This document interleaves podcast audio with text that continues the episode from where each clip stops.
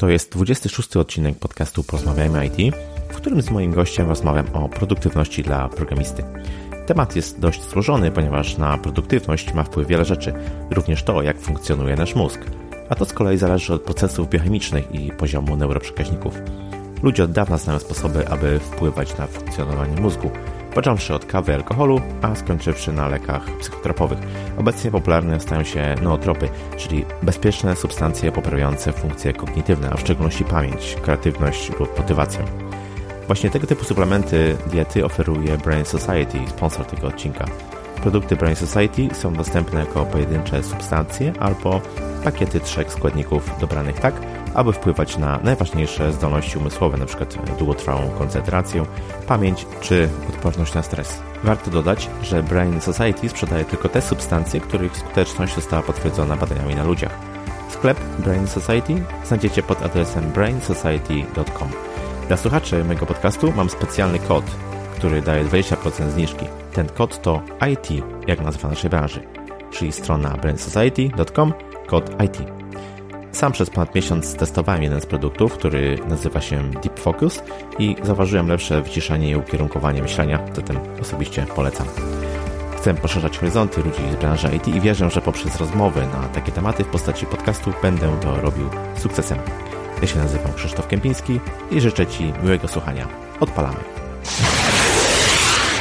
Cześć. Mój dzisiejszy gość to certyfikowany coach Galupa i facylitator. Jako jedna z pierwszych osób w Polsce zaczęła popularyzować wiedzę związaną z mocnymi stronami i pracą z nimi. Nie tak dawno przeszedł swoją działalność, by pomagać klientom w odkrywaniu swoich mocnych stron oraz byciu bardziej produktywnym i efektywnym. Część swojej wcześniejszej kariery poświęcił programowaniu. Prowadzi bardzo popularny w Polsce podcast z pasją o mocnych stronach.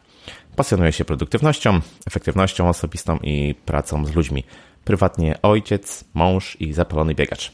Moim i waszym gościem jest dzisiaj Dominik Juszczyk. Cześć Dominik, bardzo się cieszę, że zgodziłeś się przyjąć zaproszenie do podcastu i że będziemy mieli okazję porozmawiać. Cześć Krzysztof, e, przyjemność po mojej stronie. E, Dominik najbardziej jest znany właśnie z e, testu Galupa i z mocnych stron, ale swoją działalność blogową zaczynał od tematów związanych z produktywnością, a poza tym poświęcił sporą część swojej kariery IT i programowaniu. Dlatego dzisiaj porozmawiamy sobie o temacie produktywności dla programistów. Dominik, ja zawsze zaczynam od takiego wprowadzającego pytania, czy słuchasz podcastów, a jeśli tak, to jakich najczęściej? E, tak, e, z racji prowadzenia własnego podcastu słucham podcastów, ale natomiast e, słuchałem podcastów jeszcze zanim zacząłem prowadzić podcasty. I to jest bardzo związane z momentem, kiedy mnie pytasz, bo to jest źródło wiedzy. Źródło wiedzy jest bardzo powiązane z tym, czego się teraz uczę w danym momencie. Więc jakbyś otworzył aplikację do podcastów w tym momencie, no to tam króluje Pat Flynn, Chris Ducker, Ola, Ola Budzyńska i jest taka coś łączące tych ludzi razem, no to są wszystkie osoby, które budują swoją markę osobistą online, produkty online. Po prostu uczę się od nich, od nich tych rzeczy. Natomiast e, kiedy się nie uczę, to mam też podcasty na nieuczenie się. E, I tam są e, trzy podcasty w tej chwili, takie główne, których, które słucham. Jest to The Stoic Way, podcast The Stoic Way. Takie krótkie lekcje o stoicyzmie, które mnie mocno inspiruje ostatnimi latami w sumie już. Jest podcast sama Harrisa, Waking Up. Świetne rozmowy, świetne rozmowy, świetne wywiady na bardzo różne tematy zdradzę taki, e, e, taki mój mały sekret. Niedawno sobie zdefiniowałem mój cel taki dziesięcioletni e, kariery. Chciałem być takim samym Harrisem w Polsce, żeby móc tak prowadzić rozmowy i wywiady, jak, jak sam Harris to robi. Nie bać się tematów tabu, nie bać się, nie bać się rzeczy, które są trudne i rozmawiać też z osobami, które są zupełnie inne niż my. I trzeci podcast, e, który też mi się bardzo podoba, jeżeli chodzi o formę, to jest e, The Revisionist History Malcolma Gladwella, tego od e, Outliers, tak, Outliers, The Tipping Point. Świetnie prowadzone audycje. To są audycje w podcaście na poziomie radiowym. No i marzy mi się, żeby, żeby moje podcasty tak, tak brzmiały. Podcasty, bo zaczynam nagrywać kolejny podcast, więc mam szansę próbować nowych rzeczy. Hmm. Pewnie bardzo fajna lista podcastów. Postaram się te e, podcasty zalinkować we wpisie do tego e, odcinka. No i życzę Tobie realizacji właśnie tego celu podcastowego. A z drugiej strony fajnie, że podcasty u Ciebie to nie tylko e, nauka, to nie tylko uczenie się czegoś, ale również właśnie ten walor rozrywkowy, bo myślę, że to też jest, to też jest ważne. Okej, okay, Dominik, to... Zdecydowanie tak, tak. Pewnie. To przejdźmy do, do meritum naszej rozmowy. Po co nam polepszenie, po co nam praca nad e, własną produktywnością według Ciebie?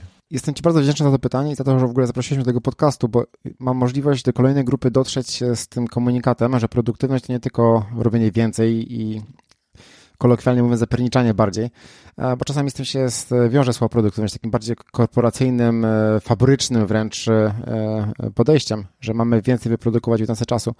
Ja sobie definiuję produktywność na dwa sposoby i obydwa są tak wiele, wiele mówiące, wydaje mi się, w kontekście tego, czym produktywność jest. Jeden to jest robienie właściwych rzeczy, co jest mega istotne, żeby wiedzieć, co chcę robić we właściwy sposób, taki, który jest dla mnie e, dobry, jesteśmy różnymi ludźmi, różni ludzie robią w różny sposób, to jest bardzo powiązane z talentami, które to podejście talentowe wyznaje i robienia we właściwym e, czasie, e, czyli właściwe rzeczy e, w właściwy sposób, w właściwym czasie. I to jest dla mnie produktywność. A drugi, definicja produktywności to jest sztuka, sztuka usuwania. Sztuka usuwania tego, co przeszkadza, sztuka usuwania tego, co nie jest tym głównym priorytetem. To jest celowo używam formy pojedynczej słowa priorytet to jest umiejętność definiowania sobie, co jest dla mnie najważniejsze, e, jak, jak chcę działać, czym chcę działać, co chcę osiągnąć. Więc to jest dla mnie produktywność. Świadomość, gdzie dążę, jak chcę tam dojść, w jaki sposób, w jaki sposób to zrobię. No, to jest tak w skrócie. Mhm. Dokładnie tak, tak jak powiedziałeś, wydaje mi się, że to nie jest takie mainstreamowe rozumienie produktywności, e, z jakim mamy do czynienia e, w mediach, że to jest po prostu robienie więcej, e, to ja się z tym absolutnie zgadzam, że to jest po prostu robienie rzeczy mądrzej i eliminowanie tych, które nie są dla nas najistotniejsze. W pełni podzielam Twoje zdanie. Dominik, w książce, którą wiem, że też lubisz, e, jedna rzecz, mówi się o koncepcji pracy nad e, właśnie jedną rzeczą e, w danym, powiedzmy, przedziale czasu, ponieważ no, nasz mózg zwyczajnie nie jest stworzony do multitaskingu, do tego, żeby robić wiele rzeczy jednocześnie, żeby skupiać się nad wieloma projektami jednocześnie. Czy według Ciebie nie stoi to trochę w opozycji do tego takiego pędu cywilizacyjnego i rozumienia produktywności jako właśnie robienia więcej? Mhm. Wiesz, trochę stoi takiego wobec takiego, w opozycji takiego mainstreamu i takiej kultury, kultury więcej, takiej też kultury instant, że chcemy coś od razu.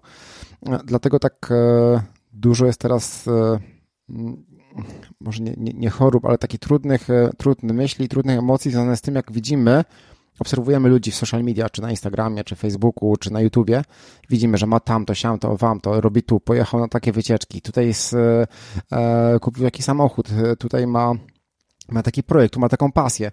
I tworzy w nas takie, takie poczucie, że wszyscy robią wszystko, tylko nie my, że my jesteśmy w, w miejscu. To jest masakrycznie fałszywy obraz i większość tych osób nie pokazuje też jego części, kiedy odpoczywa lub nie odpoczywa, jakim kosztem to robi. I, i, i nie mówi też o tym, jaki to jest, y, mm, jaka to jest część ich życia. Ja bardzo, bardzo, y, bardzo lubię to, co powiedziałem na początku, pytałeś mnie o podcasty. Słucham e, e, podcastu między innymi stoikach i oni mówią, żeby całe życie skupiać się na jednej głównej rzeczy. Tam jest więcej zasad, ale ta jedna główna rzecz jest, na co ja mam wpływ, a na co nie mam wpływu. A jak na coś nie mam wpływu, to się tym nie zajmować, bo brak mi, strata mojej energii. Jak mam na coś wpływ, to, to, to, e, to robić. No i ja mam wpływ na to, jak ja sobie organizuję dzień, e, czas, e, moją przestrzeń. Ja wiem, jak mogę żyć, jak mogę, e, jak mogę, mogę działać. Ja na przykład teraz, kiedy odszedłem z etatu w zeszłym roku, pracuję w własnej firmie i większość osób, które odchodzi z etatu, może znaczna część osób odchodzących z etatu, idzie do własnej firmy po to, żeby zarabiać więcej pieniędzy, żeby mieć więcej pieniędzy na wycieczki i tak dalej. Ja odchodziłem po to, żeby mieć więcej czasu. Moim celem jest nie zarabiać więcej pieniędzy, bardzo bym chciał zostać na tym poziomie, na którym jestem teraz, ale pracować mniej. mniej. Więc w moim celu, który, do którego dążę za pomocą mojej produktywności, jest to, żeby za jakiś czas pracować 3 dni w tygodniu. Jak zaczynamy, zaczynamy y, dostrzegać to, że, że to, co nam się wydaje, że wszyscy oczekują od nas, że świat oczekuje, że wszyscy mają, że to jest jakaś tam ułuda i że to nie jest taki prawdziwy obraz, no to mamy taki pierwszy możliwość, żeby powiedzieć, ok, no, to jest jakaś tam wizja świata, y, przefiltrowana przez nasze rozumienie, przez, przez właśnie te media, social media i tak dalej. To, co ja naprawdę chcę. I tak naprawdę, jak ja często pracuję z ludźmi nad ich systemem produktywności, nad odkrywaniem tego, y, jak mogą pracować efektywnie, nie zaczynamy od tego, no to jakiego, jakiej aplikacji będziesz używał y, i jak sobie zapiszesz zadania w tej aplikacji, tylko zaczynamy od tego, ok, jakie masz wartości? Jak byś e, chciał być zapamiętany, jak będziesz schodził z tego świata, bo wszyscy sobie kiedyś zejdziemy z tego świata. jeżeli to jest dla ciebie trudne, to pomyśl sobie za 3 lata. Jeżeli za 3 lata będziesz w samym miejscu, co jesteś teraz, to będziesz zadowolony, czy nie? Jeżeli tak, to super, no to co możesz zrobić, żeby podtrzymać tę sytuację? Jeżeli nie, no to co chcesz, żeby było innego? Jak możesz to, to, to, e, to zrobić? To nam daje taki kierunek no i w ramach tego kierunku dopiero robimy sobie plan, zastanawiamy się, ok, jeżeli będę robił, będziesz robiła, e, będziesz robił to coś, to jakim kosztem? I to jest jedno z pierwszych pytań, zadaję, ok, jeżeli chcesz e, raz w roku na miesiąc wyjechać do ciepłych krajów, to z czego zrezygnujesz, żeby to było możliwe? To jest zawsze coś za coś. Mamy 24 godziny, budżet tygodniowy to jest 160, 168 godzin, e, które każdy z nas ma. Każdy z nas śpi 7 godzin przeciętnie, mniej więcej, plus minus dziennie. Każdy z nas gdzieś pracuje, dojeżdża do pracy, robi zakupy, gotuje, bawi się z dziećmi, ze zwierzętami, uprawia sport. Mamy taki sam budżet. Jak go rozgospodarujemy, jak go wydamy, ten budżet godzinowy, zależy tylko od nas. Ale pierwszy krok to jest zrozumieć, że moje życie jest różne od Twojego życia, ale Ty masz inne cele, ja mam inne cele i lepiej patrzeć na to, co ja chcę i co bym chciał w życiu, a nie to, co inni ma i dążyć do tego. Potem zadać sobie pytanie, ok, jakie jest moja wizja życia, jakie są moje wartości i dopiero wokół tego układać. I tutaj produktywność bardzo pomaga, bo cały czas jest to pojęcie, ok, ja chcę tego, jak to mogę dojść, co ja muszę usunąć, co ja chcę usunąć e, z mojego z mojego e, kalendarza, z moich działań, żeby, żeby tam dojść. I to jest, e, dużo o tym mówią w książce, jedna rzecz. Jaka jest jedna rzecz taka, że po jej zrobieniu wszystkie inne będą łatwiejsze lub niepotrzebne? To jest pytanie można sobie na, na bieżąco zadawać, nie? Zgadza się. Myślę, że warto właśnie rozpocząć od takiej e, strategii zastanowienia się, co jest dla nas ważne i no, z czego będziemy musieli zrezygnować, bo tak jak powiedziałeś, zawsze e, robimy coś kosztem e, czegoś. Mm, no właśnie, a... Jeżeli, tak? jeżeli mogę to powiedzieć, bo Pewnie, w tej takie, chyba w tej książce jest takie pytanie, że jeżeli czemuś mówimy, mówimy tak, to czemuś innemu mówimy nie. Teraz pytanie, czy to jest świadoma decyzja, czy nie. Jeżeli ja mówię tak, spotkam się z tobą na lunch, to warto się zastanowić, ok, no to czego ja w tym czasie nie zrobię?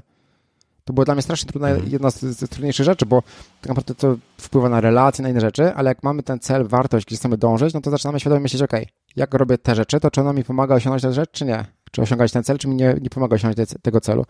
E, no i tutaj jest, ta świadomość jest początkiem dobrej, dobrej produktywności. Tak, powiedziałeś o tym budżecie tygodniowym czy dobowym, jeżeli chodzi o godziny, który, który mamy często słyszę o takim porównaniu, że nikomu nie dalibyśmy, powiedzmy, pieniędzy za darmo, ale bez problemu dajemy czas, który posiadamy. A to jest jedyna, jedyna rzecz, która nigdy do nas nie wróci. A pieniądze możemy zarobić, pomnożyć, zainwestować. Wydanego czasu no nie ma szans. Y, mamy te 24 godziny, tak samo jak każdy, jak Bill Gates, Jeff Bezos, y, y, wszyscy mamy, mamy tyle samo. Tyle samo. Okej, okay, poruszyliśmy temat wartości, poruszyliśmy temat pewnej strategii, którą powinniśmy mieć dla siebie. Porozmawiajmy o pewnych taktykach dla programistów, którzy są właśnie grupą, która najczęściej słucha tego podcastu.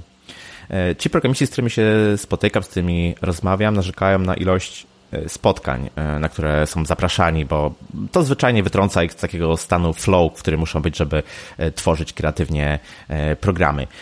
Miałbyś jakieś rady czy spostrzeżenia na ten temat? Wiesz co, ja pamiętam o tym, jak może tak trochę kontekstu. Ja teraz mam 39 lat. Ostatnią linijkę kodu napisałem 7 lat temu. Natomiast przez ten czas jeszcze zarządzałem zespołem e, programistów e, w firmie. Więc tak naprawdę moja kariera wokół IT była przez 12-13 lat i pamiętam, że to był jeden z większych e, rzeczy, którą próbowaliśmy rozwiązać. Jak się patrzyło na kalendarz i widziało się jaki Tetris, że spotkania, spotkania, spotkania, to tak naprawdę jak się podsumowało ile pracy, ile czasu było na pracę taką koncepcyjną, no to nie było go za dużo. A myślę, że to warto sobie uzmysłowić, czym jest w ogóle praca programisty mało osób z zewnątrz, ale też czasami jak rozmawiam z programistami, to mało programistów sobie uzmysławia, jak bardzo to jest e, praca twórcza. E, tworzymy coś, wymyślamy e, i to wymaga pewnego, pewnego sposobu działania. Przede wszystkim dużego skupienia, dużego, dużego świadomości tego, co mamy zrobić, plus skupienie tak naprawdę. I jeżeli mamy spotkania, e, no to nas to z tego, z tego wytrąca. E, I ja pamiętam, że miałem takie kilka taktyk, którymi pracowałem ze swoimi zespołami, teraz z innymi, kiedy im pomagam się organizować. Kilka pomysłów. E, pamiętam, że w, jeżeli mamy zespół, który ze sobą razem pracuje, nie wiem, zespół skramowy, który no, siedzi w jednym pokoju i, i tak naprawdę blisko się pracuje, dosyć często umawialiśmy się, ok, do południa nie robimy w ogóle spotkań. Robimy stand-up rano, od stand-upu do przykład do, nie wiem, do 12 jest czas, kiedy nie mamy spotkań, nie, nie przeszkadzamy sobie i to będzie czas skupienia. To jest o tyle zgodne na przykład z książką e, Newporta Deep Work, e, Praca Głęboka, która mówi, że tam w ciągu dnia takiego czasu w pełnym skupieniu mamy 3, 4, 5 godzin, jak jesteśmy wytrenowani. No i to, to było coś, co, co pomagało. Jeżeli to nie działało, na przykład przychodził ktoś z zewnątrz, no to y, ustawialiśmy sobie spotkania w robiliśmy takie pokoje spotkań, które były silent roomami. Tak naprawdę były to specjalne pokoje spotkań, gdzie każdy mógł przyjść ze swoim laptopem, jeżeli akurat nie, nie pracuję na stacjonarnym komputerze, tylko na laptopie. I tam e, była zasada brak rozmów, brak telefonów, e, praca w ciszy. Więc były tworzone takie przestrzenie, e, przestrzenie do cichej pracy. A część osób miała oficjalne pozwolenie pracować z domu. Ileś tam czasu w tygodniu, remote work, żeby nie, żeby nie, nie było tego przeszkadzania. Natomiast e, tak naprawdę e, to jest coś, co my możemy zrobić tak oddolnie, e, optymalizując ten czas poza spotkaniami. Ja zachęcam bardzo też do, przychodzi mi angielskie słowo do, do głowy, challenge'owania, czy w ogóle na tym spotkaniu muszę być. Ja pamiętam, że ja bardzo lubiłem jako menedżer, jeżeli do mnie ktoś przyszedł powiedział, Dominik, jak będę na tym spotkaniu, to nie zrobię XYZ. To jest ta, ten, ta alternatywa. Jak mówię tak czemuś, to mówię nie czemuś innemu. No i jako przełożony mogą zdecydować, ok, czy bardziej istotne jest, żeby ten człowiek był na spotkaniu, czy żeby dokończył dany, e, dany, dany moduł, dana część programu, e, który ma być wypuszczony w danym, danym czasie do klienta. Więc e, też rozmowy z, nie wiem, czy, czy w zależności czy ktoś pracuje z project managerem, czy z klientem, czy z, z, z managerem, czy z Scrum Masterem, a, i zapytać, ok, co ja wniosę na to spotkanie, jak, co, co, co, co się stanie. A, I kiedy już na takim spotkaniu jesteśmy, też można trochę challenge'ować y, osoby prowadzące spotkanie i na początku zapytać, ok, jeżeli nie ma przedstawionej agendy, nie ma desire outcome, purpose, to zapytać, ok, po co my tu jesteśmy, co chcemy osiągnąć, kiedy będziemy wiedzieć, że ten cel jest osiągnięty. Jest takie prawo, chyba nazywa się Parkinsona, takie żartobliwe, że spotkanie się zawsze się rozciąga na ten czas e, maksymalny spotkania, czyli jeżeli mamy godzinę w kalendarzu, to spotkanie będzie trwało godzinę. Więc też można próbować te spotkania ustawiać na pół godziny. E, ja robiłem sobie takie żarty, żarty w, w Outlooku. Ustawiałem spotkania na 19 minut albo 23 minuty, właśnie po to, żeby trochę ludzi wprowadzić taki tryb myślenia, ok, dlaczego 20 minut, 23 minut, skąd w ogóle ten czas? E, w Outlooku domyślnie chyba jest pół godziny e, czas ustawiony. Więc dlaczego akurat na pół godziny? Dlaczego nie na 15 minut właśnie? Dlaczego nie, nie, nie krócej? Więc z jednej strony jest rozmowa o tym, dlaczego na tym spotkaniu muszę być, co muszę z nim robić. Z drugiej strony chronienie swojego czasu poprzez zamykanie się i bycie niedostępnym i umawianie się z tym zespołem. A z, z trzeciego punktu, no to jeszcze wprowadzenie jakichś polityk ogólnych dla zespołów, uświadomienie, jaki to jest koszt, i, i wprowadzanie takich zasad. E, ostatnio też miałem bardzo jeden fajny zespół, który zrobił coś ciekawego. Przez pewien czas, e, nie wiem, e, jak słuchacz, pewnie część pracuje w większych firmach, część w mniejszych. W większych firmach są trackery czasu, timesheety, czy jak, jakkolwiek to się nazywa. Ja sam dla siebie używam TimeNA. Poprosiłem ich, żeby trackowali przez dwa tygodnie czas, na co spędzają. Później wygenerowali raport i pokazali swojemu przełożonemu. Tam zespół 10-osobowy, kilkadziesiąt godzin spędził na spotkaniach. Policzyli mu koszt, powiedzieli, ok, tu jest e, czas na spotkaniach. Zaraz w przyszłym tygodniu, w następnym tygodniu była zmiana polityki, było tych spotkań mniej, e, były rozmowy, czy to spotkanie musi być, czy nie musi być tego spotkania. Więc czasami też jest taka świadomość, że ludzie myślą liczbami, e, zyskami i tak dalej, więc też odnieść się do osób, z którymi współpracujemy w taki sposób, żeby te argumenty do nich trafiały to akurat do menedżera trafiał e, koszt straconego przychodu. W tym czasie nie było pracy, e, pracy programistycznej. Mhm, bardzo fajne rady, myślę, że warto z nich e, skorzystać. Przykładowo w firmie, dla której teraz pracuję, mamy takie czwartki bez spotkań, czyli poza takim porannym stand-upem skramowym nie ma żadnych umówionych spotkań. Ja muszę przyznać, że bardzo sobie cenię właśnie te dni, bo mhm. to są takie najbardziej produktywne, produktywne dni. Jasne. Jest, A właśnie. Jest taki jeszcze, jed, mhm. jest taki jeszcze jedna rada, jaką mogę tutaj dać. E, mhm. E, ja bardzo lubię korzystać e, z Pomodoro Technik. To jest technika pewnie przez większość znana, ale tak na wszelki wypadek mając świadomość klątwy wiedzy, że nie pamiętam jak to było, czegoś nie wiedzieć, warto powiedzieć, co to jest. To jest taki sposób organizacji pracy, że wybieramy sobie jedno zadanie, które będziemy przez 25 minut realizować. W tym czasie wyłączamy wszelkie dystraktory, przeszkadzacze, od powiadomień w telefonie, w, o mailach, o wiadomościach w komunikatorach i dalej, poprzez poproszenie ludzi, żeby nie przychodzili. I jak pracujemy w takim Pomodoro, to można sobie ustawić taki timer na ekranie, na przykład, nie wiem, lecące sekundy. I pamiętam, że jak pracowałem w biurze w Open, w open Space, miałem dwa monitory i jedna piąta jednego monitora była ustawiona właśnie na taki timer. Gdzieś tam z boku, trochę poza moim zasięgiem wzroku, leciał ten timer. I jak ktoś do mnie przychodzi, to przez pierwsze tygodnie mówię, przepraszam, ale jestem teraz w sesji Pomodoro, tu jest timer, za tyle czasu będę miał dla ciebie czas, żeby podejść. Po dwóch, trzech tygodniach ludzie się przyzwyczaili, podchodzili do mojego biurka i widzieli, że jest timer w, w tle lecący, to zawracali napięcie i powiedzieli, och nie, on teraz pracuje skupiony, więc przyjdzie za jakiś czas. A jeżeli komuś przeszkadzają e, cyferki leczące, e, stoper na, na ekranie, no to niektóre osoby kupiły sobie takie standy w kształcie Pomodoro i stawiały sobie na biurku w Pomodoro poza Pomodoro. Mhm. I też e, przez jakiś czas edukowały ludzi. W pewnym czasie ludzie podchodzą, podchodząc do biurka zauważyli, ok, on ma na biurku ten stand, znaczy, że jest skupiony, nie będę mu zaraz przeszkadzał. E, co było też bardzo fajnym sposobem szanowania tego, że ktoś się skupia na jakimś jednym zadaniu. E, polecam przetestować Pomodoro z różnymi czasami. Nie wszyscy 25 minut dla nich to jest dobry czas, e, dla niektórych krótszy, dla niektórych dłuższy działa, ale to jest fajny sposób pracy w takim skupieniu. No właśnie, a mówiąc o tych dystraktorach, praca taka wielogodzinna przy komputerze może nas e, kusić do tego, żeby sięgać na przykład e, do social media, czy jakoś in, inaczej powiedzmy ten swój czas e, spędzać niekoniecznie na, na pracy. Pewnym takim skrajnym podejściem jest to, co proponuje Cal Newport we wspomnianej przez Ciebie książce Deep Work, czyli takie zupełne odcięcie się, wyłączenie zupełne od, od social media. Um, zastanawiam się, jakie, jakie jest Twoje podejście, jakie są Twoje przemyślenia w tym temacie? Jest takie częste powiedzenie, że ludzie nie mogą robić czegoś, co się nazywa multitasking, próbują multitasking. A tak naprawdę to teraz według badań to multitasking na pewnym poziomie jest możliwy, jeżeli to nie są świadome działania, typu na przykład, nie wiem, e, myjemy naczynie i rozmawiamy z kimś, czy jedziemy samochodem i słuchamy radia, to jest, to jest multitasking. Natomiast nie jest możliwy multifocus. Ja czasami na warsztatach, które prowadzę, robię takie bardzo proste ćwiczenie. E, robię grupę dwóch osób. Proszę ich, żeby na flipchartach e, e, zaczęli, zaczęli pisać w trzech kolumnach literki, cyfry arabskie czy cyfry rzymskie. Włączam timer i najpierw ich proszę, żeby robili to wierszami, czyli najpierw A, potem 1, 1, B i tak dalej, aż do 10, a potem robią to samo w wierszach, czyli najpierw piszą same literki, potem same cyferki.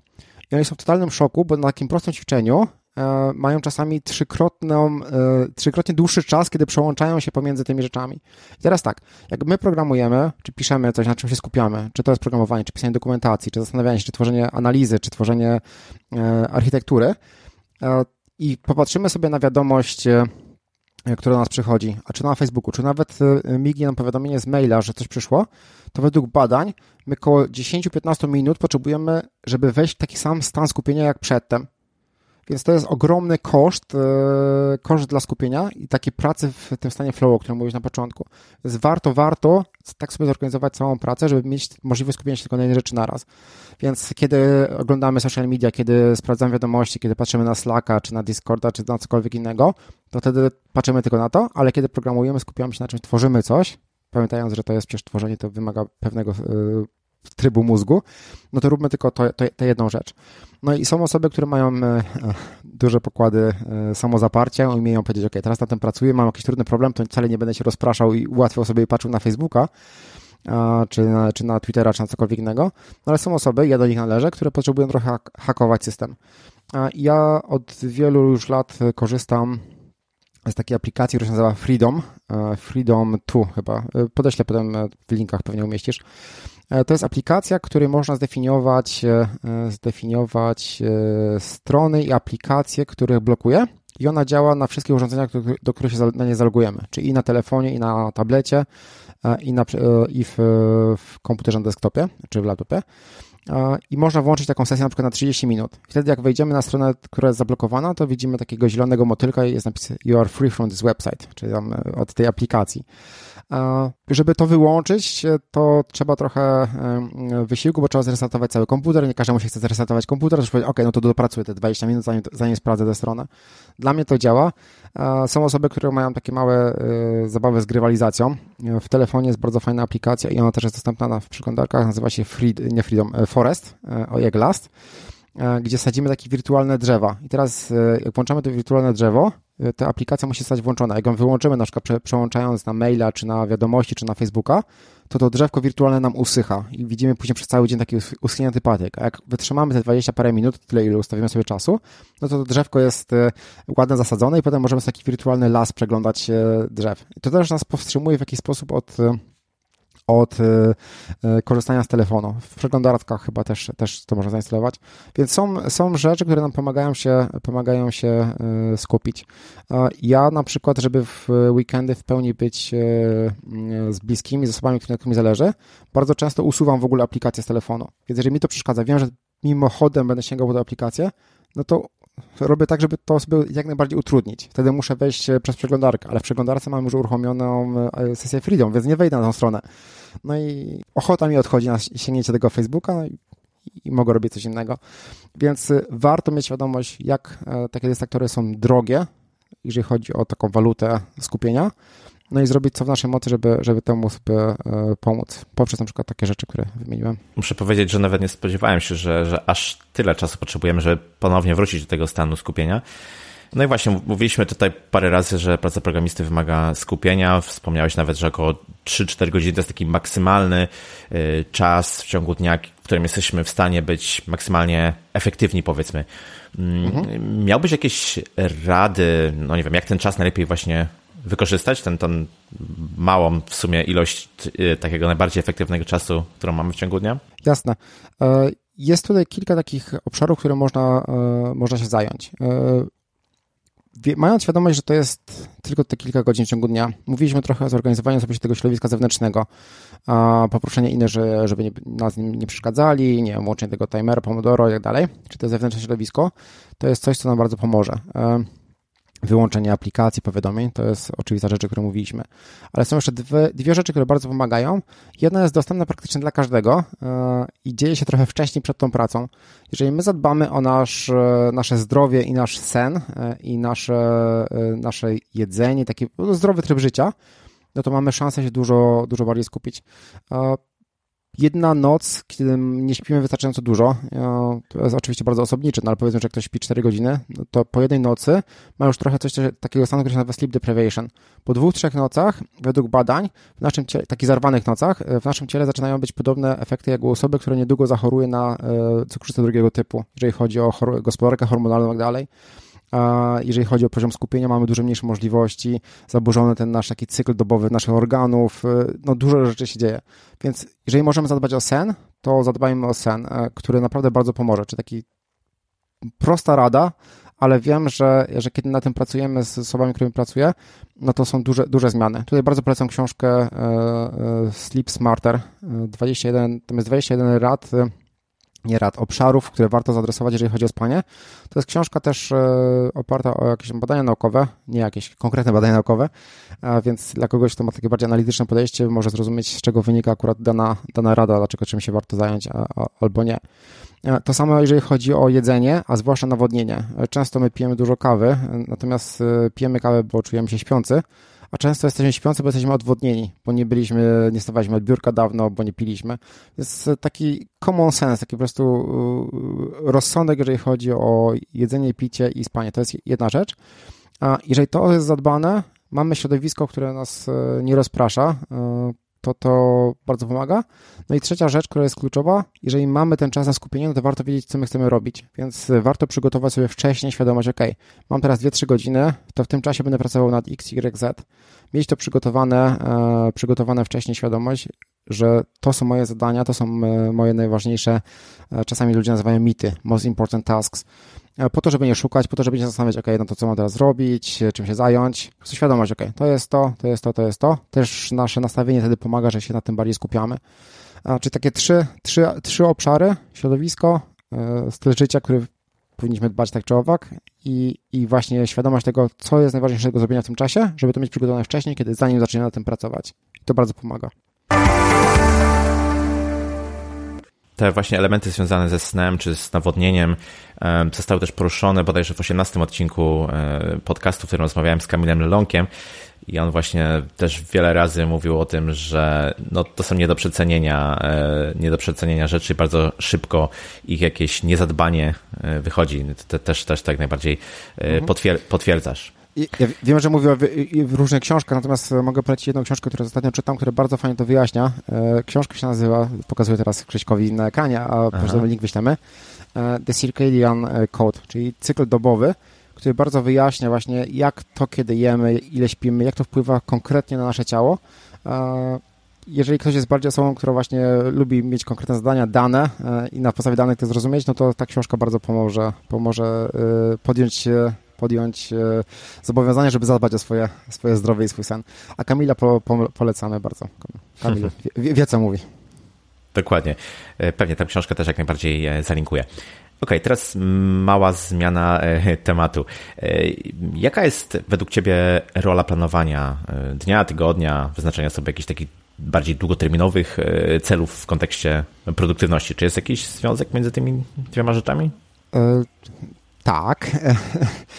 Śmieję się, bo ostatnio, ostatnio rozmawiałem z osobami, które mają taki talent elastyczność e, e, w kontekście talentów Galupa e, mhm. i osoby z tym talentem mają trochę większe wyzwania w planowaniu, bo są tu i teraz i nie lubią rutyn i nie lubią nie lubią e, mieć jakiegoś takiego właśnie sztywnego, sztywnych ram, w których pracują. E, jeżeli chodzi o planowanie, ja bardzo lubię to, co mówił na przykład Steven Covey w książce 7 nawyków skutecznego działania. Ostatnio też Michael Hyatt w takiej książce Living Forward, cała naprzód, gdzie w ogóle mówi o tym, jak sobie zorganizować życie. I on daje taką analogię, jak kładziemy na wodzie tratwę, ona nie ma żagla, nie ma steru, no to jak na nie siądziemy, to prąd wody nas gdzieś zaniesie. Gdzie? Nie wiemy. I nawet jeżeli chcemy, żeby nas zawiózł, nie wiem, e, do tej wyspy czy do tego miejsca, no to i tak zostawiamy się losowi, bo, bo, bo nie mamy wpływu na to. Więc wystarczy, że postawimy tam żagiel lub jakieś wiosła lub cokolwiek innego, no i mamy trochę szans, żeby tam dotrzeć. Może zygzakiem, bo fale są różne i jest yy, jakiś przeciwstawny prąd, ale przynajmniej mamy szansę kierować się w, dane, w, danym, w dane miejsce yy, zgodnie z naszym wybranym właśnie kierunkiem. No i plany dla mnie, wyznaczenie sobie celów, planów, to są trochę takie, taki żagiel i, i takie wiosła, dają nam kierunek, w którym idziemy e, i nawet małymi krokami, może nie zawsze po, naj, po najkrótszej linii, e, trochę zygzakiem, ale mamy szansę dojść do tego miejsca, gdzie, gdzie chcemy. Nie mając planów, nie mając celów, gdzieś dojdziemy, ale nie wiemy gdzie. Jeżeli to dla ciebie jest ok, super, nie, nie, nie trzeba robić planów. Jeżeli chcesz gdzieś dojść, no to plany są tym takim momentem przygotowania się na, e, do tego i wybrania właśnie tego kierunku i przygotowania się na tą podróż w tym kierunku. Natomiast yy, yy, to też Dwight, Eisenhower, przepraszam, Eisenhower, e, czyli były prezydent Stanów Zjednoczonych, e, też generał armii amerykańskiej. On opisał taki sposób priorytetyzacji e, macierz Eisenhowera. I on mówił o tym, że planowanie, planowanie jest nieodzownym przygotowaniem do bitwy, natomiast jak zaczynamy bitwę, no to zapominamy o planach i działamy zgodnie z tym, co, co bitwa nam przynosi. Ale plany są nieodzowne do tego, żeby do tej bitwy się jak najlepiej przygotować. Więc e, stawianie sobie celów, planowanie przygotowuje nas do tego, żeby iść w danym kierunku, a jesteśmy dzięki temu e, gotowi obsłużyć różne niespodziewane sytuacje, no i finalnie znaleźć się gdzieś w tym miejscu, gdzie chcemy się znaleźć. Jeżeli chcemy, chcemy móc za 3 lata być w stanie pracować w pełni zdalnie, z dowolnego miejsca na świecie, no to jest nasz, nasz, jakiś, nasz cel. Jeżeli nic nie robimy w tym kierunku konkretnego, nie stawiamy sobie planów, jak chcemy tam dojść, no to może się tam znajdziemy jakimś przypadkiem, e, ale może też będziemy zupełnie w innym miejscu. No, można się zastanowić, ok, co ja potrzebuję zrobić, żeby za 3 lata móc pełni pracować zdalnie? Jakie zapotrzebowanie takich programistów jest, e, czego się muszę nauczyć, e, jak szukać takich firm, gdzie takie firmy są, czego się muszę nauczyć o tym, e, czego te firmy wymagają, jak muszę sobie organizować swoje środowisko pracy, co muszę zmienić w swoim sposobie pracy, jak się tego nauczę, stawiam sobie cele. Gdzieś za te kilka lat tam mogę być. Może taki prosty przykład, no ale, ale no, to jest tego typu rozumowanie. Planowanie to jest przygotowanie do drogi e, i pozwala uniknąć wielu pułapek i dojść, przynajmniej dać, daje nam szansę na dojście w tym kierunku, do tego miejsca, gdzie chcemy dojść. Tak, zgadzam się. Myślę, że planowanie jest bardzo ważne, ale ważna jest też pewna taka elastyczność e, w tych, w tych planach, bo to chyba trener e, Mike'a Tysona powiedział, że każdy ma plan, dopóki nie dostanie pięścią w twarz.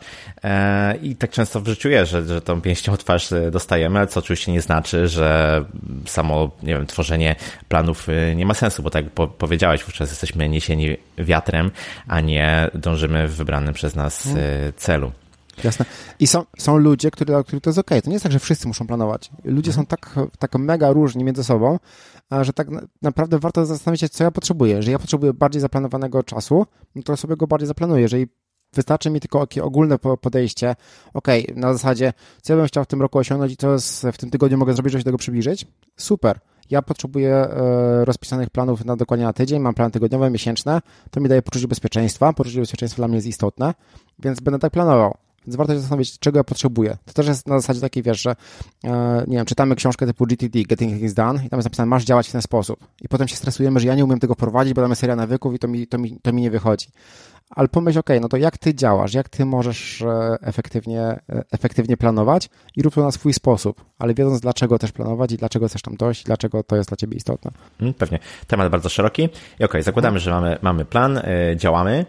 Wobec tego, jak będąc programistą mogę mierzyć tą swoją produktywność, żeby zauważyć jakieś e, polepszenie, jakiś, jakiś e, progres? Wspomniałeś już trochę o tych narzędziach do, do trakowania czasu, ale czy jeszcze jakieś inne mógłbyś e, polecić? O, mam.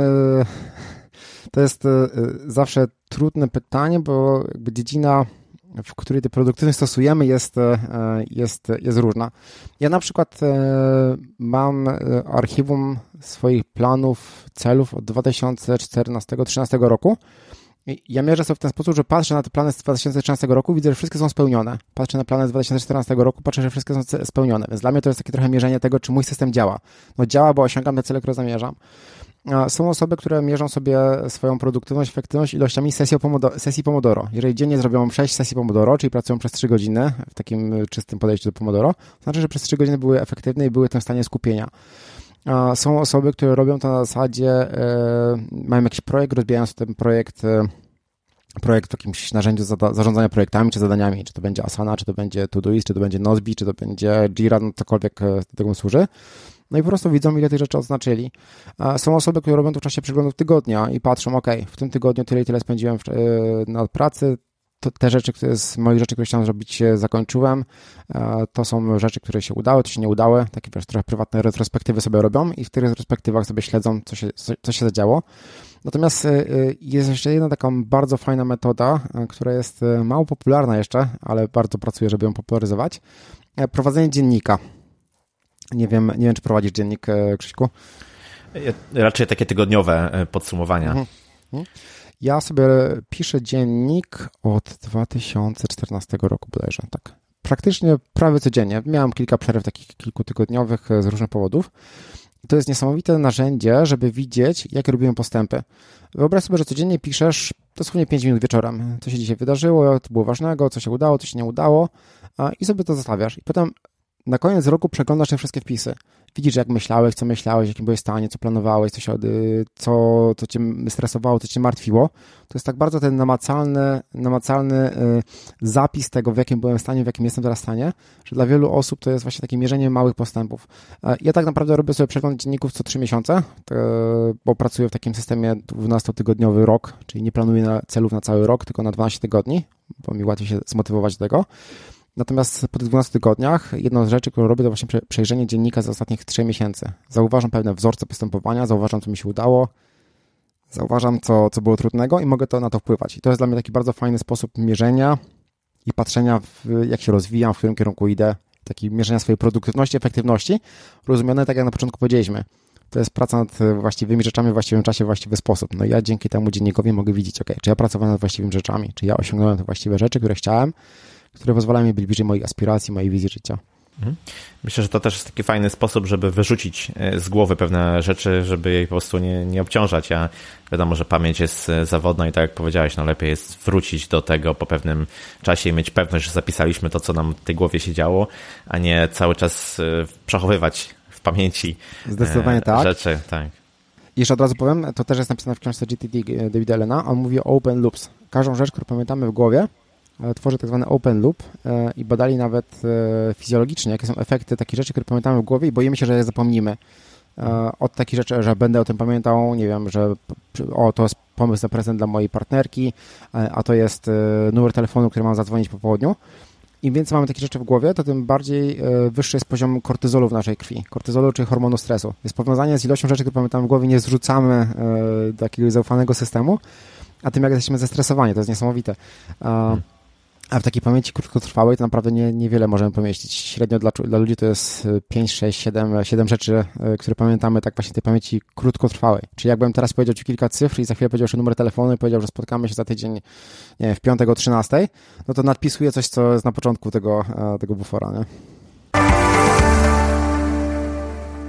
Tak, to pamięć nie jest zbyt pojemna. To chyba nazywa się efekt e, zajgarnik, takiej, takiej psycholożki, która gdzieś na początku XX wieku w wiedeńskich kawiarniach zauważyła, że e, kelnerzy znacznie lepiej pamiętają tych klientów, którzy jeszcze nie zapłacili, a gdzieś od razu wymazują informacje o, o, o klientach, którzy, którzy już opuszczają e, kawiarnię, więc tak, tak, tak, tak, jak mówisz. Mhm. Jest dużo praktycznych zastosowań tego efektu, tak jeszcze tylko wtrącę. Mhm. Z jednej strony można go wykorzystać do tego, żeby wychodząc z pracy nie przejmować się tym, że coś jeszcze do zrobienia. E, udowodniono, że jeżeli na końcu pracy zrobimy sobie taki e, e, procedurę zamknięcia dnia i zapiszemy, co dzisiaj zrobiliśmy, w jakim etapie projektu jesteśmy i od czego zaczniemy na drugi dzień, to dużo mniej, w naszym mózgu to jest jakby zakończony projekt. Jedna część projektu zakończona, druga się zacznie dopiero na drugi dzień. Mniej o tym myślimy, mamy spokojniejsze popołudnie. Mhm. I to jest sposób, żeby nie myśleć po południu o pracy. A z drugiej strony, jak mamy problemy z prokrastynacją, to jak zaczniemy jakiś projekt nawet w najmniejsze rzeczy, ten już jest otwarty i też nam się bardziej pamięta właśnie przez ten efekt zajgarnik, więc można świadomie wykorzystywać z tego, jak nasz mózg działa. Faktycznie warto z tego korzystać. Mm, no właśnie, ja obserwuję, że w dzisiejszych czasach coraz więcej e, deweloperów pracuje w sposób e, zdalny, pracując po prostu z domu. No i to jest dosyć duże zagrożenie dla produktywności, bo no, uważam, że trzeba być w jakiś sposób jest takim no, zorganizowanym, żeby, żeby po prostu skupić się na pracy i żeby to nasze mieszkanie, nasz, nasz dom traktować też jako, jako miejsce pracy, a nie tylko odpoczynku.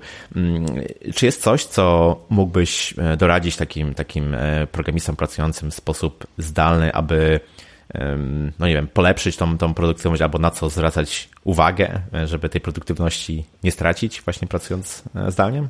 Jasne. Kil, kilka rzeczy. E, przypomniałeś, że nagrywałem kiedyś o tym wideo, więc jeżeli mogę, to Ci podeślę potem e, wideo do nagrania. Tam jest 10 rad, jak pracować zdalnie. Nie dla, dla programistów, ale dla osób, które w ogóle pracują zdalnie. Wiesz co, dla mnie, ja też teraz pracuję często zdalnie, bo pracuję z domu, z biura domowego. Jadę czasami do klienta, ale no dzisiaj jesteśmy w moim biurze domowym i, i wiem, wiem, co mi pomaga, co mi przeszkadza. Na pewno bardzo pomaga to, że mamy jasne rozdzielenie, w którym miejscu pracujemy, a w którym miejscu nie pracujemy. Czy nie tak, że mamy laptopa i pracujemy w stole na kuchni, przy kanapie, na balkonie, gdzie indziej, tylko fajnie mieć jedno miejsce, to daje taką wizówkę wizualną. Ok, w tym miejscu jestem w pracy, więc tu się skupiam. Gdzie indziej jest e, strefa relaksu, jak dalej.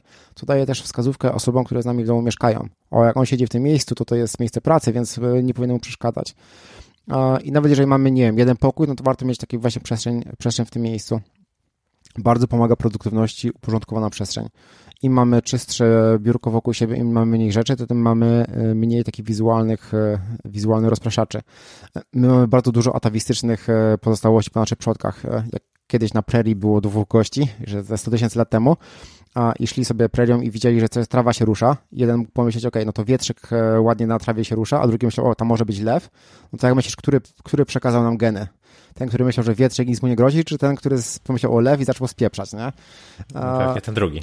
Dokładnie. I dla nas tak samo to działa. Jeżeli mamy, widzimy coś niepokojącego, coś, nas, e, coś nam nie pasuje w, w, w tym, co, co przed nami jest, e, mamy jakiś dźwięk, który nas e, co chwilę zastanawia, ok, co to jest. Jeżeli siedzimy tyłem do drzwi, to podświadomie myślimy sobie, ok, czy ktoś tu zaraz nie wejdzie. To są dokładnie te zachowania, które kiedyś pozwalały naszym przodkom przetrwać, przeżyć. My dalej je mamy i one nam przeszkadzają, więc tak warto zorganizować sobie też przestrzeń w domu, w tej pracy, żeby, żeby jak najbardziej ograniczyć wpływ tych środków, tych, tych środowiskowych czynników na naszą pracę. Pamiętając, że my pracujemy w domu i przez to na przykład rano nie wychodzimy do biura, nie ma tego momentu, gdzie idziemy na świeże powietrze, no to warto też zaplanować sobie i wykorzystać, że pracujemy w domu. Może zrobić sobie przerwę i wyjść czasami i zrobić sobie ten spacer, co bardzo pomaga odświeżyć umysł. No takie rzeczy, które działają wszędzie, to wiadomo nawadnianie się, ale to jest i w biurze i poza biurem. Jeżeli pracujemy z domu e, czy zdalnie, no to warto zadbać też o relacje społeczne. Nam relacje są potrzebne też ewolucyjnie. E, jeżeli pracujemy e, w domu i nie mamy, nie spotykamy nikogo, to zadbajmy o to, żeby kogoś spotykać. Czy to przez e, wdzwanianie się na jakieś spotkania częściej, czy organizowanie sobie jakichś spotkań, czy po prostu wyjście czasami do coworkingu i z tego coworkingu popracować, bo to jest potrzebne dla, naszego, dla naszej psychiki. To są takie podstawowe rzeczy. Wydaje mi się, najważniejsze to jest takie jasne zorganizowanie środowiska pracy, które wspiera naszą produktywność i daje też wskazówkę nam i innym, że my pracujemy plus ograniczenie takich właśnie rzeczy, które nas rozpraszają, chociażby czyste biurko i, i, i przestrzeń wokół nas. Programiści, ale nie tylko programiści, e, często są zawaleni różnymi taskami, projektami, obowiązkami, pracą. E, jak można według Ciebie określić ten priorytet, czyli tą jedną e, rzecz, taką najważniejszą, za którą powinienem zabrać się w następnej kolejności? Czy, czy znasz jakieś metody, które to ułatwiają? Są metody projektowe. Wiadomo, w Scrumie mamy Scrumboarda i wiemy, co jest sprint golem i, i co, co potrzeba zrobić, żeby dokończyć tego sprinta. Natomiast dla mnie ten moment ustalenia się za coś razem, ja go staram się zrobić jak najwcześniej rano, żeby on już raz na cały dzień był podjęty. Więc jakbyś zobaczył teraz moją listę, ona jest posegregowana w kolejności i ta kolejność jest ważna, bo czekaj, aż popatrzę. Mam na liście 18 rzeczy na dzisiaj. Ja wiem, że tych wszystkich 18 rzeczy nie zrobię, chyba że stanie się jakiś cud i, i wszystko się poskłada pięknie, ale wiem, że jak zrobię pierwsze 6 tych rzeczy, to będzie dobry dzień, bo to są rzeczy, które są najistotniejsze. Przedtem mówiłem o tym macierze Eisenhowera. On tam dzielił sobie na cztery rzeczy, na cztery typy zadań. Rzeczy, które są ważne i pilne, ważne e, i niepilne, pilne i nieważne i nieważne niepilne. No i priorytetyzacja powinna polegać na tym, że najpierw usuwamy te rzeczy, które są ważne i pilne, ale jak najwięcej pracować nad rzeczami, które są ważne i niepilne, że są jeszcze nie, nie stresujące. To też może być jakieś podejście do, do priorytetyzacji. Dla mnie dużym obszarem priorytetyzacji, ale to też już bardziej w tym momencie, kiedy ja pracuję sobie e, w własnej firmie nad własnymi projektami, e, jest świadomość tego, jak zrobię to zadanie, to jak ono mnie przybliża, które z tych zadań przybliża mnie do e, osiągnięcia moich celów 12-tygodniowych, do moich aspiracji, do mojej wizji życia. Mogę w ten sposób powiedzieć sobie, nie? Więc widzę na przykład, że mam mam pierwsze zadanie pisać, e, napisać dwa akapity do e-booka, bo wiem, że ten e-book sprawi, że za jakiś czas będę miał produkt, który będę mógł go sprzedawać regularnie, to sprawi, że będę mógł robić mniej warsztatów, to sprawi, że będę mógł pracować trzy dni w tygodniu, więc jest jasne powiązanie. A wszystko trochę Mm, wszystko trochę. To zależy bardzo od tego, jak sobie organizujemy tę naszą produktywność, jak sobie mm, uświadamiamy te większe cele, bo to nam pomaga wybierać, wybierać te zadania. Natomiast warto robić to jako pierwszą rzecz rano, żeby potem, jak skończymy jedno zadanie, zastanawiać, ok, no to teraz, tylko żeby od razu było kolejne zadanie. I to pozwala nam też efektywnie wykorzystać ten czas, kiedy jesteśmy skupieni, kiedy mamy to przestrzeń bez spotkań i tak dalej. Więc y, to chyba jest takie najbardziej skuteczne, skuteczna rzecz. Myślę, że warto też się posiłkować w tym e, podejściu różnymi narzędziami. Ja na przykład korzystam z, z Nozbi na każdy dzień staram sobie e, jakieś 3, 4 maksymalnie zadania oznaczyć właśnie tą gwiazdką, czyli, czyli priorytetem i też w pierwszej kolejności się, się tym e, zająć. Zdecydowanie zauważyłem, że w takich tych godzinach właśnie porannych, czy tam dopołudniowych powiedzmy jestem najbardziej produktywny, więc, więc w ten czas staram się celować z tymi, z tymi zadaniami, które uważam, że są, że są istotne i tak, tak jak powiedziałeś, coś zmieniam albo do czegoś e, mnie przybliżą czy, czy, czy, czy posuną. Także no, też, też warto z różnych e, takich wspomagających narzędzi, myślę, mm, korzystać, chociażby z kartki papieru albo jakiegoś notatnika czy kalendarza. Zdecydowanie um, tak. Mhm. Aczkolwiek, po... jeżeli, tak? jeżeli mogę wiedzieć, narzędzia są bardzo fajne, natomiast warto wiedzieć, że świadomość priorytetów i tego systemu produktywności jest przed narzędziami, żeby warto wiedzieć, co my w tych narzędziach przechowujemy, bo narzędzi jest całkiem, całkiem sporo. Jednozbi bardzo lubię, e, dlatego że e, po pierwsze jest, dobrze robi to, co robi e, jako narzędzie, plus zespół, który tworzy jest zespołem, który jest w pełni zdalnym i, i po prostu są fajni ludzie tam pracują, więc ja lubię takich ludzi wspierać. Natomiast są obszary, których Nozbi się nie będzie sprawdzał, więc warto wybrać narzędzie, ale warto wiedzieć, co jest dla mnie najistotniejsze, e, jakie mam priorytety, właśnie do czego dążę. To jest to, to coś, dlaczego mówiliśmy, że warto planować, nie? co w tym narzędziu się znajdzie. Tak jest. To jest taka generalna zasada, która jest e, w IT w programowaniu, zwłaszcza, że powinno się dobierać e, narzędzia do, do, do, do problemu, który, który mamy, tak, a nie, a nie, a nie odwrotnie. Więc tutaj do, do planowania myślę, że tak samo w danej dziedzinie powinniśmy wybrać narzędzie, które najbardziej nam odpowiada i najbardziej odpowiada danemu problemowi, a nie próbować za wszelką cenę wykorzystywać jakieś e, znane czy popularne e, rozwiązania. Hmm? Mhm. chciałem jeszcze jedną, jedną rzecz dodać, bo tutaj mówimy o skupianiu się. Nie wiem, czy to będziesz pytał, więc może, może wybiegnę. Natomiast mhm. rozmawiam z programistami, albo mówię, to, to, rozmawiam z tobą, a, a dociera do programistów. Ja chciałem jeszcze uzmysłowić jedną rzecz, że te techniki, o których tu mówimy, one są kluczowe też w jednym z obszarów, który jest kluczowy dla programistów. Jednym z głównych zadań e, programistów w dzisiejszym czasie to jest uczyć się. Uczyć się nowych technologii, e, nowych sposobów e, prowadzenia projektów, nowych dziedzin, które powstają. Nauka jest bardzo ważną częścią pracy programisty. Zresztą to jest bardzo często niezrozumiała część dla ludzi spoza IT. Ludzie sobie nie uświadamiają sobie, jaki, jak, w jakim programiści żyją w stresie, przez rok nieuczenie się, to jest trochę wypadanie już z obiegu. Pewnie, że dalej znajdziesz pracę, ale już świat idzie do przodu. I, I, cały czas trzeba być, e, trzeba być właśnie w tym, w tym e, tej awangardzie uczyć się, uczyć, uczyć. To jest dużo łatwiejsze, jak masz 25 lat, jesteś po studiach, niż jak masz 34 lata masz dwójkę dzieci, które w nocy ci się budzą i masz na to mniej energii. I e, właśnie Cal Newport w swojej książce Deep Work mówi o tym, że w przyszłości takie dwie kompetencje, które są kluczowe, to jest umiejętność wchodzenia w stan e, deep work, czyli tej pracy głębokiej, skupiania się. I druga umiejętność to jest umiejętność szybkiego uczenia się. Umiejętność szybkiego uczenia się e, jest e, umiejętność skupiania się jest bardzo przydatna przy umiejętności szybkiego uczenia się. Jak umiemy się skupić, to możemy się szybko uczyć. Chciałem to podkreślić, bo naprawdę ja uważam, że uczenie się to jest jedną z kluczowych zadań ludzi z IT. Nie tylko z IT, ale rozmawiamy w kontekście IT. No i, i to, to chciałem bardzo podkreślić, że umiejętność e, produktywnego uczenia się będzie się coraz bardziej istotna w nowym świecie. Tak, zdecydowanie ta dziedzina pędzi tak do przodu, że bez ciągłego pogłębiania wiedzy po prostu się nie da, tak jak mówisz, no, zwyczajnie się wypada z rynku po pewnym e, czasie i to jest, to jest e, tak trochę zobaczając z naszego tematu, to jest problem, który bardzo trapi kobiety, które po jakichś urlopach y, macierzyńskich czy wychowawczych bardzo często spotykałem się z taką sytuacją, że y, ich umiejętności już gdzieś tam mocno odstają od tego, co, co na rynku y, pracy się poszukuje. Więc to jest jak najbardziej realne i już się dzieje. Mhm. Um, a właśnie po, po, części poruszyliśmy temat jakichś przeglądów e, tygodnia, czy, czy, czy nawet prowadzenia e, dziennika, jakichś przeglądów miesięcznych i tak dalej.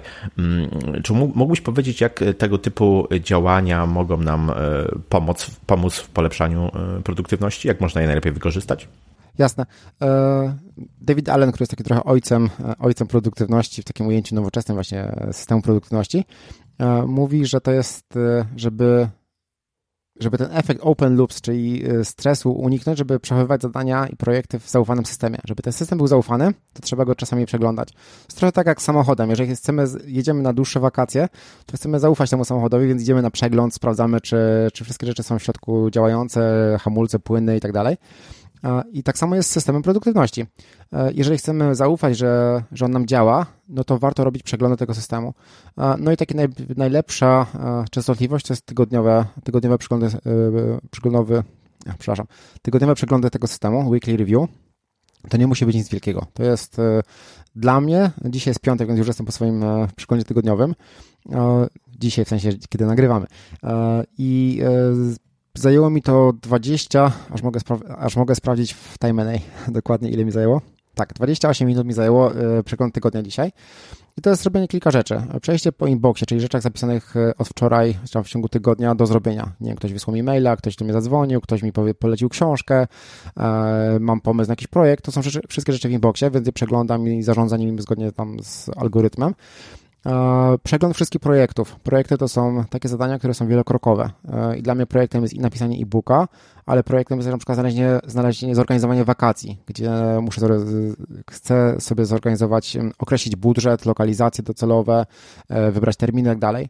Więc przeglądam sobie wszystkie projekty, które są wielokrokowe, zobaczyć, czy jestem na czasie z nimi, czy potrzebuję, czy chcę je ruszyć do przodu bardziej, czy, czy wszystko jest ok. Wybieram zadania, które chcę w następnym tygodniu, w danym dniu zrobić Przeglądam sobie też e, wtedy skrzynkę e, taką fizyczną. W ciągu tygodnia przechodzą jakieś listy, rachunki, tego typu rzeczy. Przeglądam sobie te papiery, też segreguję. E, bardzo staram się, bardzo pracuję na tym, żeby być paperless, czyli jak przychodzi mi coś, co mogę zeskanować i nie muszę mieć tego papierowego, to skanuję, jest w Dropboxie, a tam to wyrzucam. No i to jest ten czas właśnie w tygodniu, żeby to zrobić. No i po tym czasie ja jestem pewien, że niczym nie zapominam, że wszystkie moje projekty są zadbane, że mam plan na przyszły tydzień, wiem jakie mam obciążenia, wiem, że coś jest do zrobienia dany dzień, to jest w kalendarzu. No i mam dużo większy spokój, e, pójścia sobie na weekend i nie, nie, nie obawiania się, że o czymś jeszcze zapominam, bo wszystko jest w tym systemie. Pewnie, czyli kolejny przykład na, na oczyszczanie sobie głowy z niepotrzebnych rzeczy e, i, i zrzucania tego do miejsc, w których znacznie lepiej będzie nam później przejrzeć e, i, i przeanalizować, co się, co się dzieje właśnie chociażby w tak. projektach. Tak. Pewnie. Mówiliśmy tutaj o wielu różnych rzeczach związanych z produktywnością. Dałeś sporo takich rad, y, jak pracować nad poprawą produktywności. Myślę, że warto też dodać, że system produktywności każdy z nas może sobie wypracować swój, taki, który najbardziej będzie pasował do jego sytuacji, osobowości, talentów i tak dalej. Mm, ale wszystko to, wszystkie te, te, te porady mogą się okazać no, takie mm, bezsensowne albo nie, nie, nieprzydatne, jeśli mm, nasze ciało będzie w złej e, kondycji fizycznej. Tutaj trochę zahaczyliśmy ten temat mówiąc o, śnie, o nawodnieniu, o odpowiednim e, odżywianiu. Wiem, że masz też sporo doświadczeń właśnie w tym, e, w tym temacie dbania takim, takiego fizycznego o, o siebie. E, mógłbyś się podzielić swoimi doświadczeniami, przemyśleniami? Jasne. Ja mam teraz, jak rozmawiamy, e, prawie 39 lat, 80 e, rocznik i w swoim życiu przeszedłem przez różne, różne fazy. Jako 20-latek byłem bardzo aktywny, grałem w kosza i takie inne rzeczy. Jako 27-latek e, miałem 30 kg nadwagi, więc byłem w tym miejscu, gdzie byłem bardzo sprawny i byłem mniej sprawny. Teraz po kilku latach udało mi się znowu wrócić do zdrowia dzięki produktywności takiemu zaplanowanemu. Wiedziałem, jaki jest mój cel i wiedziałem, jakie kroki chcę wykonać. I widzę ogromną różnicę w swojej energii, kiedy czuję, że, że jestem sprawny fizycznie, versus kiedy e, nie byłem w stanie wyjść na trzecie piętro bez zadyszki. To jest po prostu niebo, niebo a ziemia. I, I tutaj to jest, to jest moje doświadczenie. Natomiast na takim poziomie mikro, takim codziennym, też widzę, jak e, duży skutek dla nas e, właśnie ma to, że się wysypiamy o tym trochę mówiliśmy, ale duży też ma skutek to, że zadbamy o to, żeby mieć trochę aktywności fizycznej.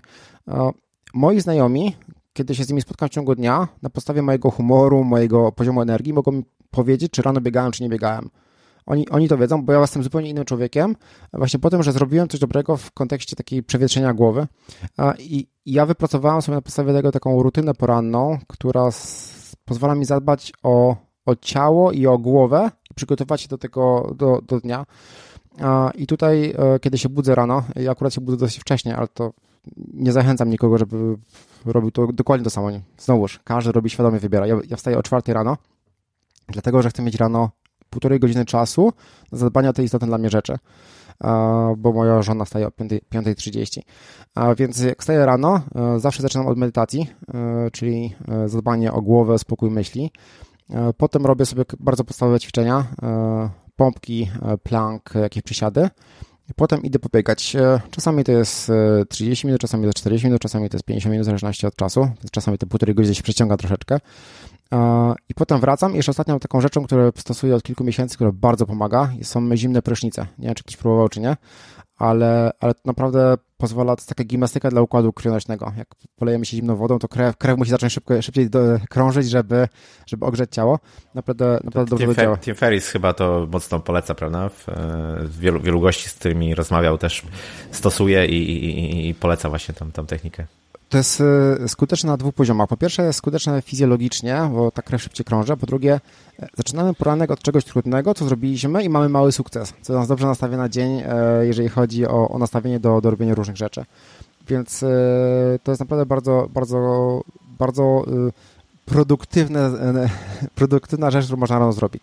No i ja w ten sposób dbam Dbam o to, żeby się wyspać, czyli dbam o temperaturę w pokoju, o to, żeby ekrany były bez niebieskiego światła wieczorem, e, o nawodnienie, nie jedzenie zbyt późno, tak dalej. Budzę się wyspany, robię te 4-5 rzeczy rano, które pozwalają mi dobrze zacząć dzień i dla mnie to jest zupełnie inny dzień, kiedy tego nie zrobię, bo na przykład jestem chory albo jestem gdzieś w podróży i mam mniej czasu na zrobienie tych rzeczy.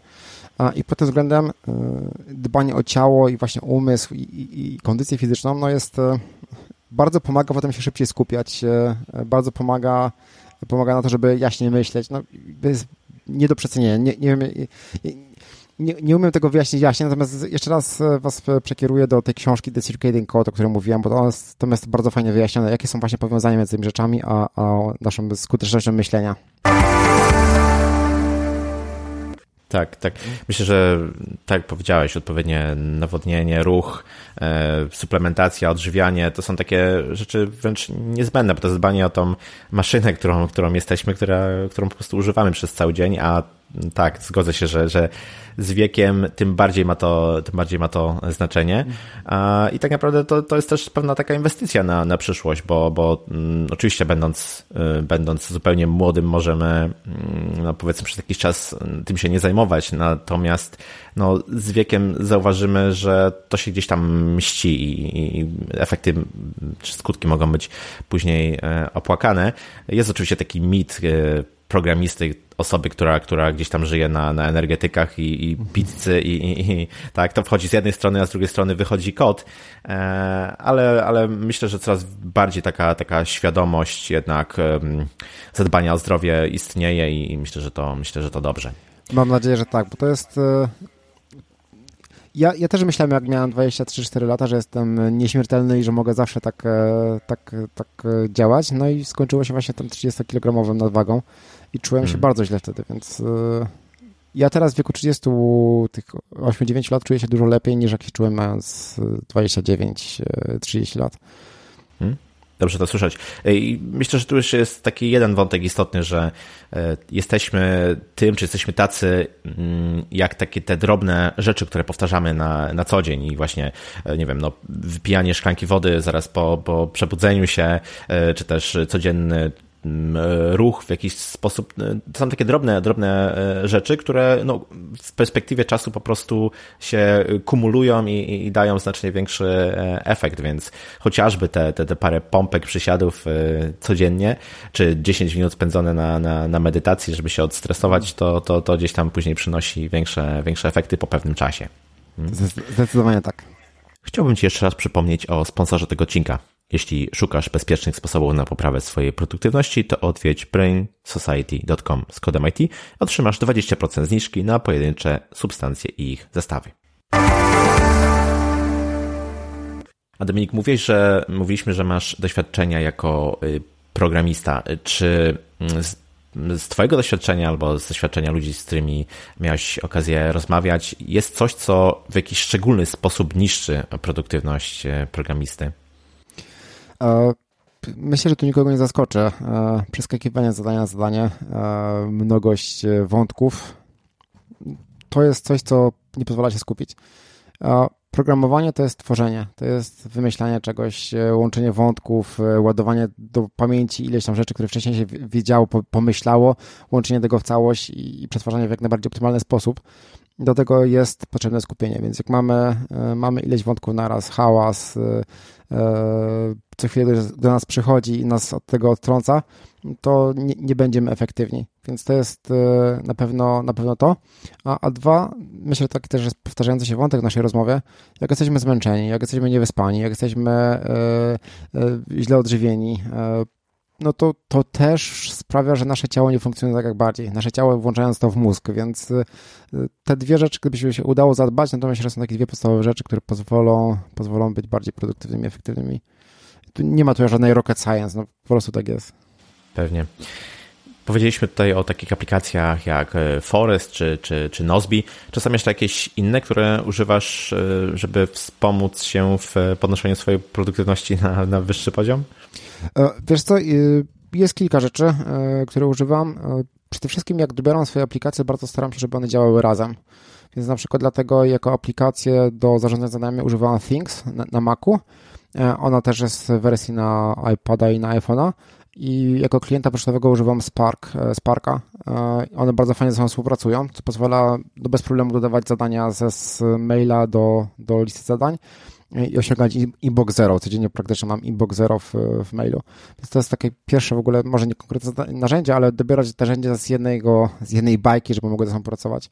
Ostatnio bardzo dużo korzystam z Notion do notowania Kiedyś jeszcze jak pracowałem na PC-tach, e, praktycznie cała moja wiedza i notatki były w OneNote.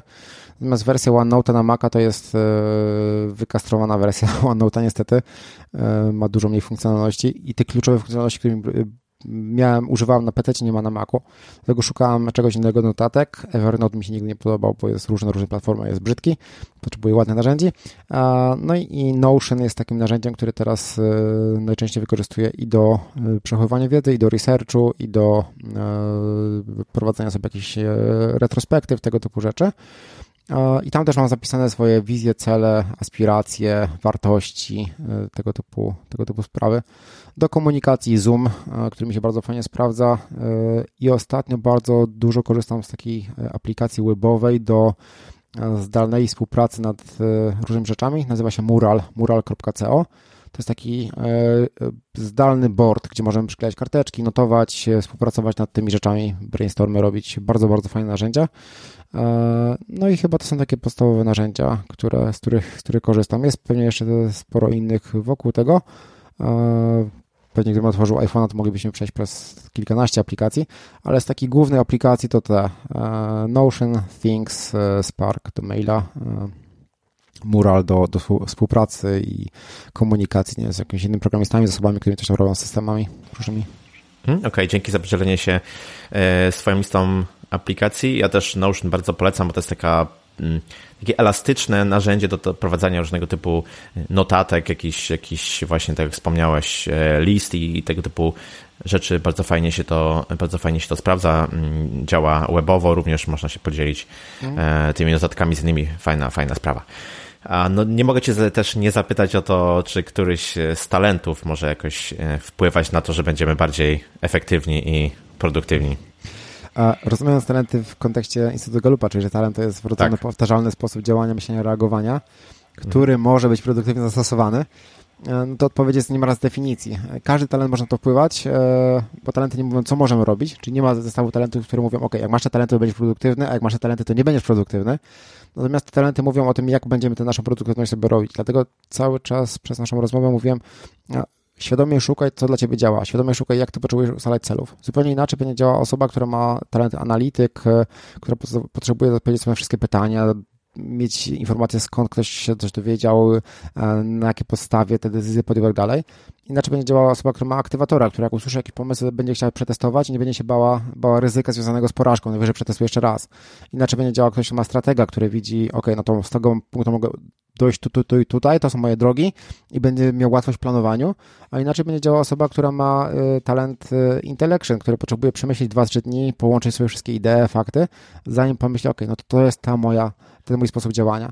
Więc y, talenty pomagają zrozumieć, jak my działamy i wybrać sobie system produktywności, sposób działania, który jest dopasowany do naszego sposobu myślenia, działania, reagowania i, i w tym kierunku bym szedł. Nie, nie ma talentów, które bardziej lub mniej wspomagają bycie produktywnym, bo nawet taki talent, który wiele osób uważa, że jest stworzony do produktywności, dyscyplina, że mamy procesy, procedury, jak jest niedojrzały, to sprawia, że mamy w ogóle zero elastyczności, że coś, coś się posypie, no to ta osoba w ogóle mówi, no to się nie da, nie?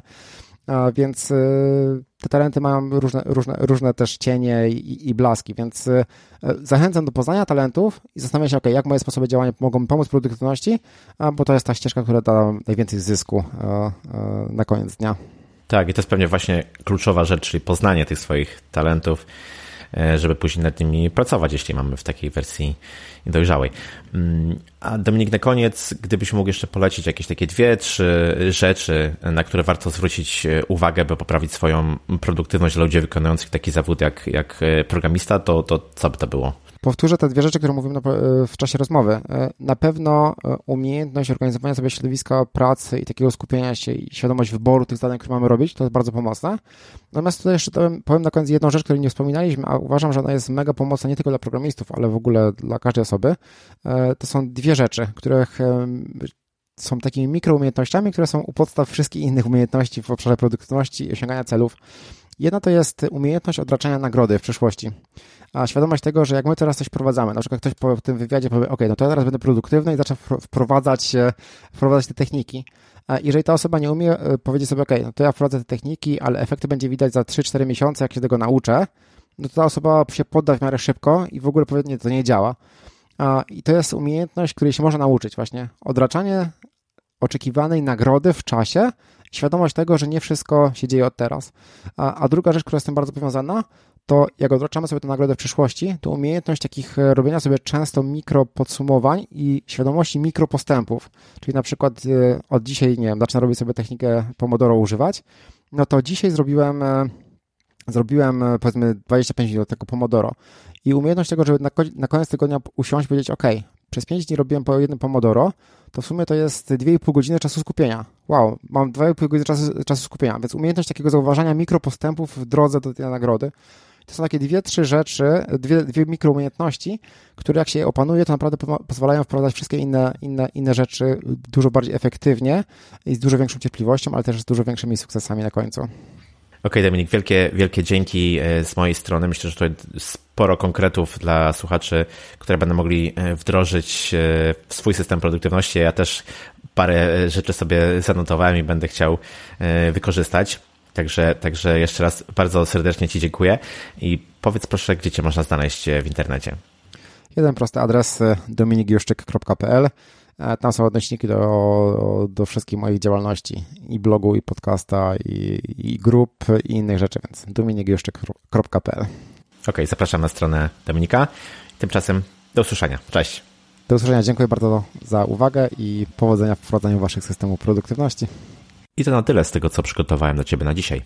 W dzisiejszym zabieganym świecie warto planować i wykonywać swoją pracę mądrze, korzystając z odpowiednich narzędzi, a nie tylko wykonywać jej dużo, bo to wcale nie jest prawdziwa produktywność.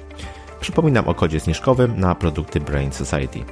Ocena czy recenzja podcastu w iTunes lub innej aplikacji, w której słuchasz tego podcastu, będzie dla mnie najlepszym prezentem. Jeśli masz jakieś pytania, pisz śmiało na krzysztofmałpa.porozmawiajmy.it ja się nazywam Krzysztof Kępiński, a to był odcinek podcastu Porozmawiajmy o IT o produktywności dla programisty. Zapraszam do kolejnego odcinka już za dwa tygodnie. Cześć!